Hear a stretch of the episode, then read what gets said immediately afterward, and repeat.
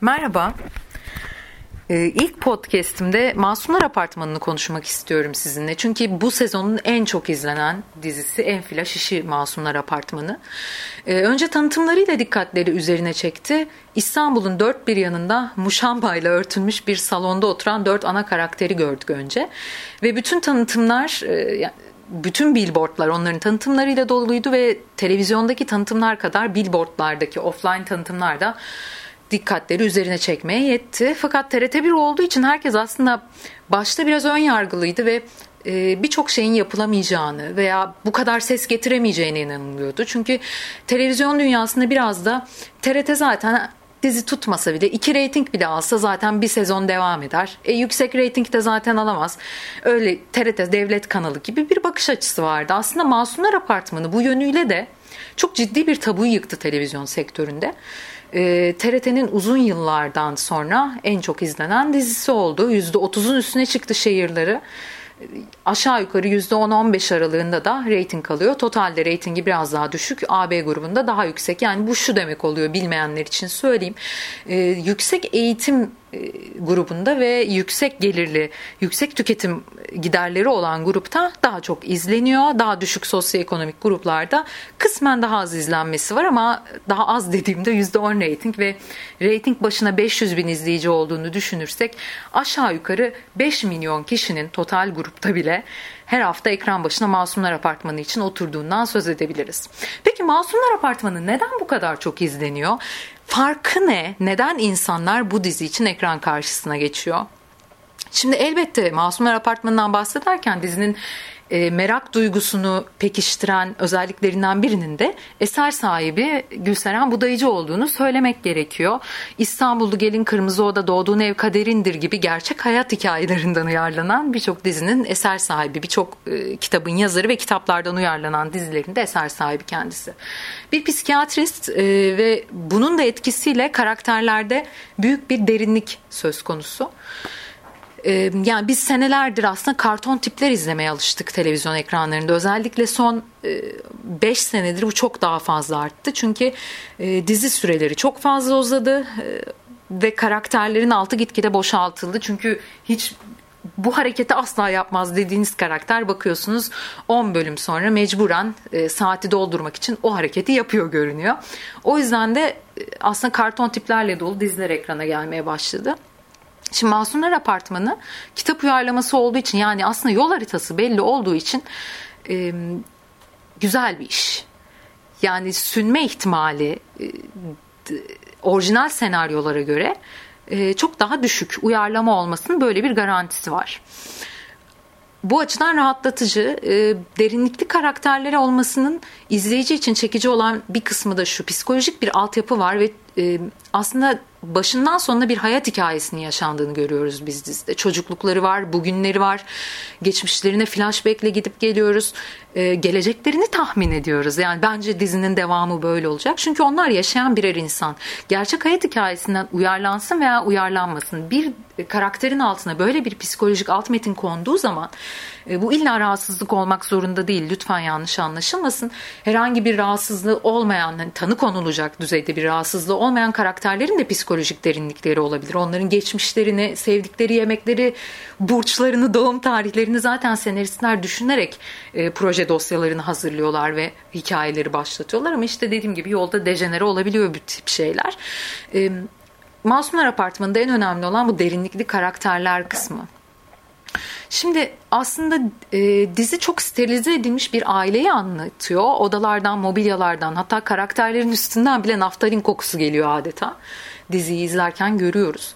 Burnunuzun direğini sızlatan kesif bir, rahatsız edici bir koku bu.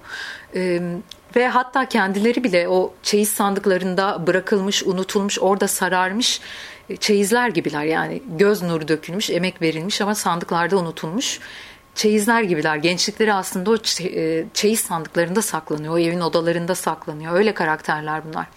Ve e, diziyi bilmeyenler için biraz bahsedeyim. Bir aile var. E, ailenin annesi ölmüş. Mutsuz bir kadınmış anne ve e, o annenin dört tane çocuğu bugün hayatlarında geçmişin yüklerini sırtlanarak ilerliyorlar. Safiye, Han, Gülben ve Neriman adlı dört tane kardeş. Babalarıyla bir dairede yaşıyorlar ve zamanın bir yerinde takılıp kalmış gibiler. Boşa dönüp duran bir plak cızırtısı gibi.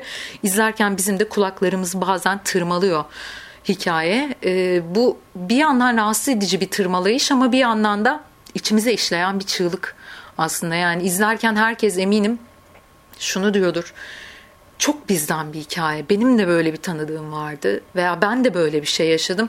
Hiç olmazsa benim de annem bana böyle şeyler yaptı. Benim de babam böyle biriydi veya bir arkadaşımın böyleydi.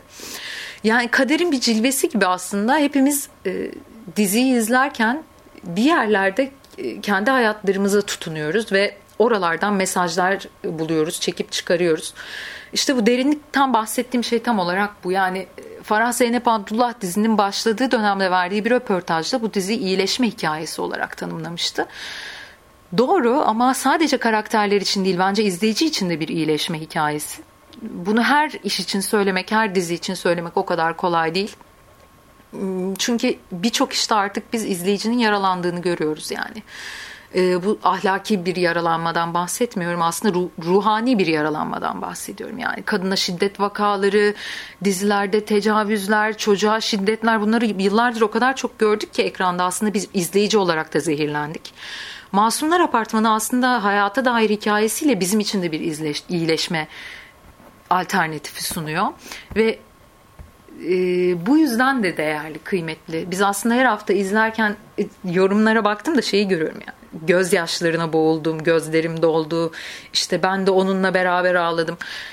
Bu boşuna değil. Yani hiç kimse durup dururken e, içselleştirmediği bir şeyi izlerken gözyaşları içinde kalmıyor. Bir yere dokunuyor. Aslında dizinin karakterleri e, sallanan birer at gibi dizinin arasında da şeyde jeneriğinde de zaten görüyoruz. Aralarda geçişlerde de bazen kullanılıyor. Sallanan bir at metaforu var dizinin içinde. E, bu aslında hareket eden ama hiçbir yere varamayan bir ikon ve e, karakterlerin de aslında yerinde saydığını görüyorduk biz ilk bölümlerde. Şimdi yavaş yavaş hareketlenmeler başladı işte nasıl başladı? Han'ın hayatına İnci girdi başladı. E, Naci yıllar sonra Safiye'nin hayatına geri döndü ve hareket etmeye başladı hayatlar. Yerinden oynamaya başladı ama taşların yerinden hareketlenmesi elbette bir sarsıntıyla beraber oldu. Bu yüzden de herkesin hayatı bir ayakları zangır zangır bir titremeye başladı. Şimdi aslında e, dizinin apartmanda geçmesi de bence kayda değer bir konu. Bunu da biraz incelemek gerekiyor. Çünkü e, bizim apartman dediğimiz şey aslında şehirleşmeyle, kentleşmeyle bir arada düşündüğümüz zaman bireyselleşmeyi de beraberinde getirir. Şimdi köy evlerinde zaten insanlar soba başında oturuyorlar. Herkes bir odada e, sohbet ederek akşamlar geçiyor ve yani bir arada geçiyor sohbet edilmese bile aile dinamiğine bağlı olarak sohbet etmiyorlar ama televizyon izliyorlar ama bir odada geçiyor. Şimdi apartman dediğimiz konsept çok odadan, odalar arasında kapıdan ve çok büyük ihtimalle kaloriferden meydana gelen bir sistem. İçinde insanlar var ama o dört duvar sadece dört duvar değil. Kapısını kapattığınız zaman size ait bir alan meydana geliyor. O yüzden apartman çocukları bireyselleşmeye daha yatkın görülüyor. Yani ailesiyle daha az vakit geçiren çocuklar bunlar. Ee, e, baktığımız zaman şimdi metropollerde yaşayan bir de İstanbul gibi bir metropolü ele aldığımız zaman metropollerde yaşayan insanların hikayeleri daha fazla yalnızlık içeriyor. Aslında biz Masumlar Apartmanı'nı izlerken de o yalnızlığı iliklerimize kadar hissediyoruz. Var o yalnız. Her karakter aslında o kalabalığın içinde ama çok yalnız. Hiç kimse birbirine bir şeyini anlatmıyor. Herkesin bir derdi var ama kimse bilmiyor. Yani Safiye'nin aşkını Naciye o evde bilen yok. Çocukluklarından hatırlamıyorlar. Han görmüş mesela ama hatırlamıyor bile. Niye? Çünkü üstüne konuşulmamış, üstüne işlenmemiş. O adamın ablasının hayatının yerini, hayatındaki yerini bilmiyor. Şimdi böyle düşündüğümüz zaman e, dizinin apartman isminde geçmesi bir yandan çok doğru, bir yandan da çok ironik. Çünkü e, bir asmakatla ailesinin evinden ayrılan bir han var. O asmakat hala aşağıya bağlayan bir bebeğin göbek bağının annesine bağlı olması gibi ablasına bağlı o asma merdiven, asma katın merdiveni. O çocukluğuna bağlı, babasına bağlı, anne travmasına bağlı o merdiven. O yüzden asma kat, yani o yüzden başka bir dairede değil Han. Çünkü kapısı yok. O kapıyı kapatamıyor, o özel alanı açamıyor. Aslında o onun göstergesi. Ee, bu açıdan baktığımız zaman metaforların da çok işlediğini görüyoruz dizide. Yani sanat ekibi çok büyük bir alkışı hak ediyor. Ee, fotoğraflar, siyah beyaz fotoğraflar, dizide gösterilen o vitraylı camlar yani renk dışarıdan gelen ışık renklenerek içeri giriyor. O vitraylı camlar bize e, bir ışık gösterisi sunuyor ama yok. Yani bir gösteri yok içeride. O kadar rutinleşmiş, o kadar sıradanlaşmış ve o kadar yalnızlaşmış hayatlardan bahsediyoruz ki ışık onları süslemeye, zenginleştirmeye yetmiyor. Aksine göz tırmalıyor. O kadar sepya ki hayat onun içinde. Üstüne renkli bir ışık düşünce göz tırmalıyor. Yani bu bunun da ayrı bir e, seçim olduğu çok belli yani yönetmenin gözüne sağlık daha ne olsun. E, Masumlar Apartmanı bize aile denilen şeyin tahayyül edilenden daha farklı ve defolu bir versiyonunu sunuyor. Yani ailenin tek erkek çocuğu Han. Dizinin uyarlandığı kitapta zaten e, her karakterin olmadığı, senaryolaştırılırken değiştirildiği vesaire söyleniyor. Biliyorsunuzdur. Kitabı okuyanlar varsa da biliyordur. Ben çok spoiler vermeden biraz da analiz üstünden gitmeyi yeğliyorum. Şimdi ailenin tek erkek çocuğu Han. Bizde nedir? Er, geleneksel e, aile yapısında ve biraz da feodal kültürü temel alırsak erkek çocuk. Babadan sonra evin direğidir yani. Baba yaşıyor ama evin e, evi ayakta tutan adam han. Şimdi ailenin oğlu baba rolünü üstlenmiş. Ailenin kızı annenin yokluğunda anne rolünü üstlenmiş. E geriye ne kalıyor? Çocuk rolü. E, bunu kim üstleniyor? Gülben. O yüzden altına işiyor. Yani orada aslında e, hem aile tarafından itildiği bir rol var Gülben'in. O, o ailenin içerisinde çocuk rolünde. Hem de kendi tercihi var. Mesela onun biz e, aşık olduğu zaman, Esat'a aşık olduğu zaman e, alt ıslatmalarının durduğunu gördük. Neden? Çünkü Gülben artık kadın Gülben'di. Kadın rolündeydi ve alt ıslatmaları durdu bir dönem. Ben kendimi tutabildim hatta, hatta gitti Hana bir sahnede ben kendimi tuttum biliyor musun? Çok korktum ama yapmadım dedi. Sonra ne oldu? Polisler geldi, karakola alındı ve tekrar birinin korumasına, kollamasına ihtiyacı vardı. Onu şikayet edenin Esat olduğunu zannetti. Yani kadın olarak tutunduğu, sırtını dayadığı destek ortadan kalkınca kendini bir birey olarak boşlukta tutamadığı için, bir birey, birey olarak ayakta tutamadığı için gitti tekrar Han'a yaslandı, babasına yaslandı ve tekrar çocuk rolüne döndü. Tekrar alt ıslatmaları başladı. Bunlar e, şeyler değil, tesadüfi noktalar değil. E, hem dizinin senaryo ekibi hem de e, psikiyatri e, uzmanları tarafından alınan danışmanlıklar eminim bunlar üstüne işleniyor zaten. Veya işte evin astım hastası kız kardeşi. Neden o kız astım hastası? Astım ne demek? Nefes alamamak demek. Yani camın bile açılmadığı, e, belli bir yılda 80'lerde kalmış bir evde yaşayan, sepya bir renkte yaşayan bir kızın nefes alamaması ve hastalığı astım tesadüf mü? Değil. Ya onun da mesela astım krizlerinin son haftalarda hiç ekranda görmüyoruz. Belki de neden? Ee, okulda e, yakın bir arkadaşı var artık. Ege geldi alt kattaki Ege onun arkadaşı oldu. Belki de bununla ilişkilendirmek lazım. Şimdi ileriki bölümlerde nasıl işleyecekler göreceğiz ama e, kızın da kendini açmasıyla o hayali sınıf arkadaşı aşkını e, onun gerçekleriyle yüzleşip aslında Ege'nin arkadaşlığıyla ayakta durmayı öğrenmesiyle o hastalığın da e, daha düşük düzeylere geçtiğini yavaş yavaş görüyoruz biz. Bu yüzden dizinin içindeki her unsuru bu şekilde değerlendirmek gerekiyor gibi geliyor bana. Ee, Han'a, Han ince aşkına biraz değinmek gerekirse şöyle düşünebiliriz yani. Han belli ki çocukluğunda bir birine aşık olmuş, bir öğretmenine aşık olmuş. Zaten dizi izleyenler bilir ve o öğretmen onu terk edip gitmiş yıllarca beni gerçekten tanıyan, gerçekten seven kim varsa her an terk edip gidebilir korkusuyla yaşamış bir adam ve İnci ile yolları kesişiyor. Uzun süre kendi hayatındaki dertleri ona açmaktan bile imtina ediyor. Ve sonrasında e, dertlerini paylaşmaya başlıyor ama bir tereddütle ya beni bırakırsa Ya ben terk edilirsem ya başka birine tercih edilirsem. Bu korku içinde her zaman var. Kadın gitmiş ama bir konu mankeniyle onun yerini doldurmaya çalışıyor. O mankeni hala atmıyor. Çünkü hala İnci onun hayatında bir yolcu. İnci gidebilir. Her an gidebilir. O yüzden o manken hala Han'ın hayatında. Şimdi e, aile içerisindeki aşk dinamiklerine baktığınız zaman kadınlar tarafında da bastırılmış bir kadınlığı görüyoruz biz aslında. Yani aşık olmak ayıp, sevmek ayıp, birine ilgi duymak ayıp. Böyle bir e, sistem geliştirilmiş aile içinde. Bunun da mimarı başta anne, e, devamında Safiye ve gitgide azalan dozlarda bir derece Gülben bu şeyden etkilenmiş, dalgadan etkilenmiş. Bunları görüyoruz ve temizlik obsesyonu var. E, temizlik obsesyonuyla beraber hayatlarındaki o hem boşluğu dolduruyorlar, evden çıkamamanın, suçluluk duygusunun, yani Safiye'nin çünkü geçmişte çok büyük bir suçluluk duygusu var, aşık olmuş. Ve aşık olduğu kişi onun yüzünden zarar görmüş. Annesi onu, onu sevmeye devam edersen o da zarar görmeye devam eder demiş. Ve bu, bu boşluğu yani Naci'nin gidişinden sonraki boşluğu doldurmak için temizliği bulmuş. Çünkü temizlik bitmez.